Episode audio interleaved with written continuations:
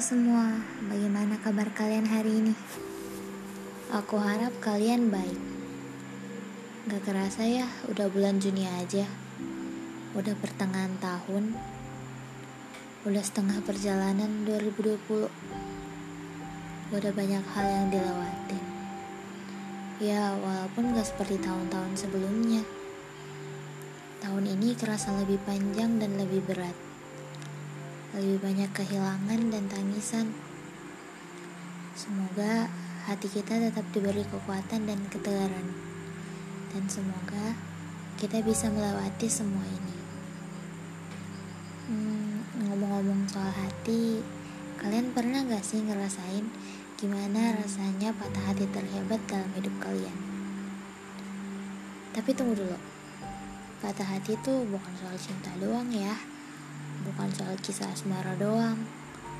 Kadang suka sebel gak sih? Kalau ada yang nanggepin patah hati tuh soal cinta-cinta kelawan jenis lah soal patah hati lah soal asmara lah. Padahal kan gak gitu konsepnya. Iya nggak? Suka heran kok di pikiran orang-orang tuh soal asmara mulu? Padahal kan ada banyak hal yang bisa melukai perasaan dibanding kisah asmara. Banyak hal yang lebih patut ditangisin dibandingkan kisah asmara.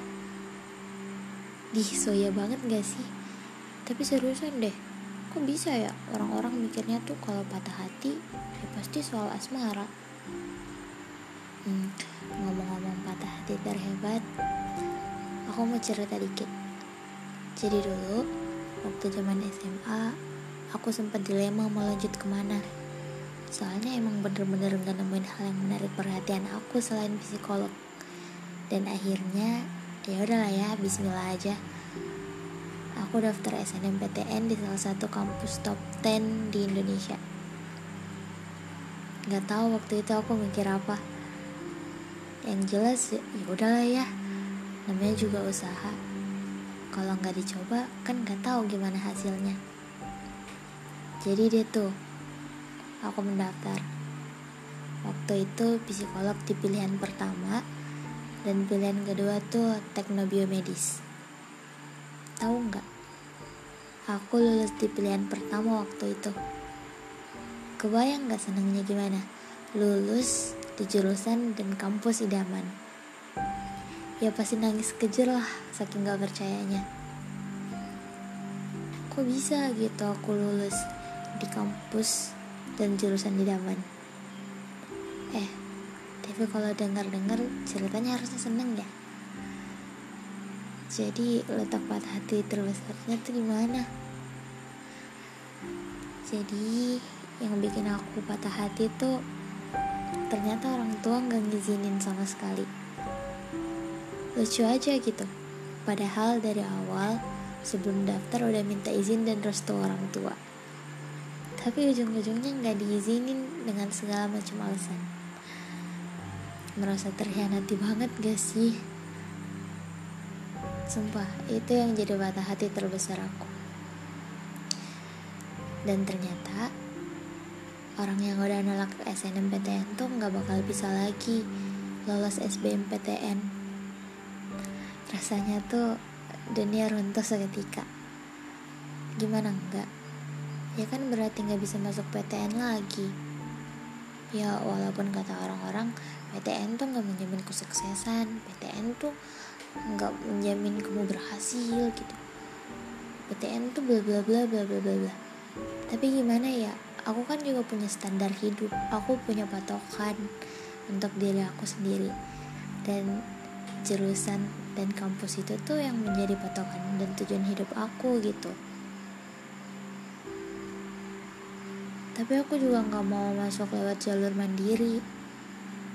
Ya nggak mau aja gitu ngebebanin orang tua lebih banyak lagi. Dan akhirnya aku masuk di kampus swasta dengan jurusan pilihan orang tua. Tapi lah udahlah ya. Time will heal the pain. Dan ya life must go on gitu. Mau nggak mau harus dijalanin dan kita tuh harus lanjutin hidup. Yang gak apa-apa. Banyak hal di dunia ini tuh nggak harus selalu kita dapetin. Hidup tuh nggak sesimpel I want it I got it. Kadang-kadang Tuhan punya cara lain buat tuntun kita ke jalan yang lebih baik dan lebih pantas buat kita. Nggak apa-apa. Gak semua hal yang belum berhasil berarti gagal ya emang karena belum jodoh aja gitu. Jangan disesalin kegagalan bukan buat dijadiin penyesalan tapi dijadiin pelajaran biar kita bisa bersyukur. Ya hitung-hitung buat penyemangat juga. Karena sebenarnya kegagalan tuh nggak datang sekali dua kali. Setelah kegagalan yang pertama pasti akan ada lagi kegagalan-kegagalan berikutnya yang pastinya bakal bikin kita makin terbentuk. Kan harus terbentur dulu baru bisa terbentuk. Terbentur terbentur lalu terbentuk. Patah jatuh sembuh lalu tumbuh.